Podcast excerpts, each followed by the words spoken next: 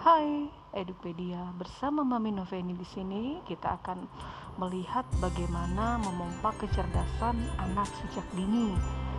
Nah, ini hasil dari bacaan saya beberapa waktu yang lalu sudah lama sih, tapi sering saya perbaharui supaya bisa membagi bersama-sama kita juga bisa praktek. Biasanya uh, ada banyak sekali kita baca atau penemuan-penemuan penting mengenai perkembangan otak ya perkembangan otak ternyata di usia yang mungkin sudah 20-an, 30-an, 40-an, 50-an, 60-an tidak berhenti saja. Karena apa? Perkembangan otak itu ternyata tidaklah linear, teman-teman. Pembelajarannya itu berlangsung sepanjang siklus hidup kita. Ada jendela-jendela kesempatan saat otak itu terlihat begitu amat efisien dalam bekerja pada pembelajaran-pembelajaran tertentu. Ada juga masa-masa kritis ya di saat mungkin uh, kurang di dalam perkembangannya. Nah, pada seri bagian ini kita mau melihat salah satunya di bagian indera penciuman yang berhubungan dengan otak ternyata itu luar biasa buat kalian yang punya anak balita atau batita ini pas banget untuk kita bisa apa namanya kita gali bersama supaya ada pengalaman-pengalaman ada hal-hal atau wawasan-wawasan yang berperan nanti untuk bisa memberikan satu wawasan tentang struktur dan kapasitas otak, kualitas dan kuantitas serta konsistensi apa yang harus dilakukan oleh orang tua untuk merangsang minat, merangsang kecerdasan uh, anaknya itu sendiri. Mohon maaf ya lagi-lagi suara pukulan uh, palu berdentang kemudian uh, yang lainnya ya. Karena memang tidak dalam kondisi hening pada saat ini tidak apa. Kita terus lanjutkan di mana pembelajaran itu bisa di mana saja, di tengah kondisi apa pun saja sehingga memberikan kita satu wawasan baru untuk melakukan setiap aktivitas-aktivitas yang ada. Termasuk yang dilakukan di podcast pada saat ini termasuk yang dilakukan oleh para audiens yang mendengarkan kita sedang mempekerjakan otak kita untuk terus belajar untuk terus berkembang sepanjang siklus hidup kita. Nah teman-teman semuanya yang punya anak usia uh, balita perlu pembelajaran dan wawasan ini ya untuk kecerdasan emosional kita atau emotional question anak-anak kita itu optimalnya pada saat dia berumur 0 bulan sampai dengan 2 tahun. Lalu nanti akan berkembang di masa emasnya di usia 2 sampai 5 tahun. Untuk berlanjutnya ya bisa kapan saja. Tetapi untuk pendalaman atau untuk wawasan dasar kepada anak-anak kita untuk kecerdasan emosional lihat di usia emas mereka sampai usia balita dan untuk perkembangan motorik juga demikian karena apa kalau perkembangan motorik ya eh, koordinasi antara otak dan gerak tubuh kita akan berkurang seiring bertambahnya usia. Apalagi mungkin ada penyakit-penyakit yang menyertainya. Untuk penglihatan yang terbaik itu optimal ketika anak-anak kita sampai berusia kepada 2 tahun teman-teman. Lalu nanti usia balita di usia emas itu kesempatan terbaik yang berikutnya. Setelah itu bisa jadi terjadi saja akan kurang atau bagaimana ya? Karena penglihatan sangat penting sekali di dalam uh, proses pertumbuhan seseorang. Dan untuk ketika anak-anak kita bersuara dengar deh ketika mereka masih bayi ya. Bukan karena dia menangis tapi suara-suara awal yang mereka keluarkan ya.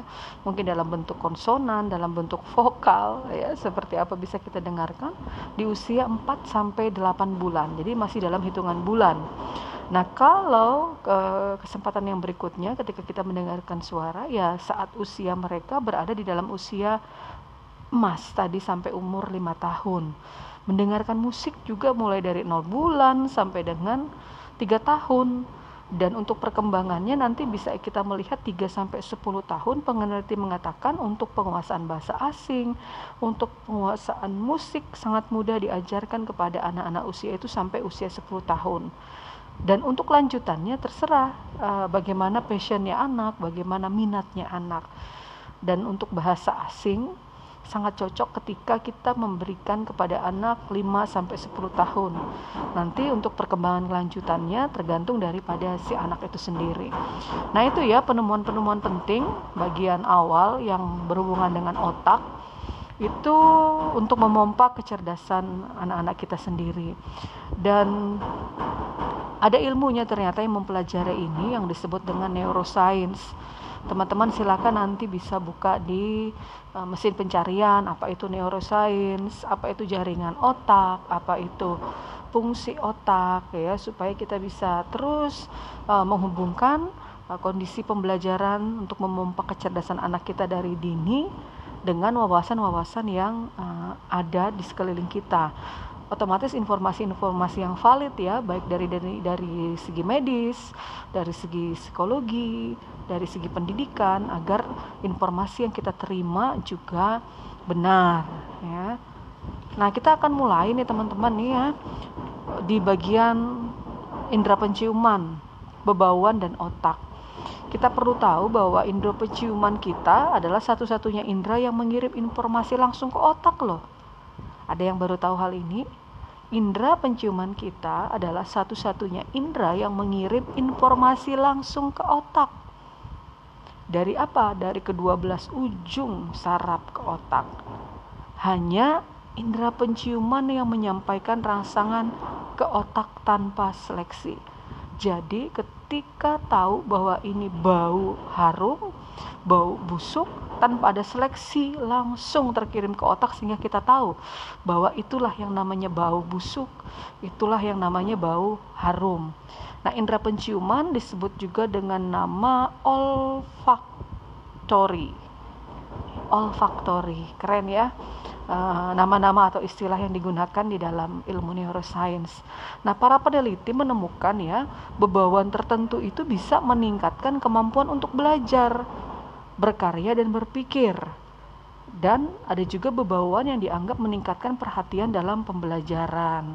Nanti saya akan sampaikan ini supaya kan di masa PJJ ini ya bisa jadi semangat anak lemah, anak merasa bosan dalam pembelajaran, strateginya mungkin kita menggunakan nih ilmu di neuroscience ini untuk bisa merangsang bagaimana anak menemukan kembali semangat belajarnya, semangat berkaryanya, semangat berpikirnya. Karena melalui bebauan bisa meningkatkan perhatian dan pembelajaran anak-anak kita. Nah, kalau kondisinya energinya lagi lemah, energinya lagi rendah, coba yuk cari di bumbu-bumbu dapur kita. Mungkin kayu manis, cengkeh ya, mungkin ada pala, ada buah pinus, atau bahkan bawang putih. Ketika si anak mencium ini akan membangkitkan energi. Tapi mungkin kalau yang bawang putih malas ya, tapi nggak apa-apa deh.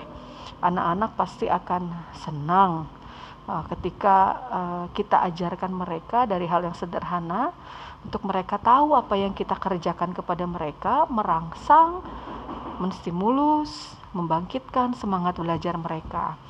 Kalau anak-anak kita cemas, nah atau kita sendiri juga merasa kecemasan, coba deh terapi menggunakan tumbuh-tumbuhan seperti mawar, kenanga, kayu putih, melati, dan lain sebagainya, basil. Saya ini agak-agak lupa-lupa ingat yang mana nih basil. Kayaknya apakah seperti daun mint?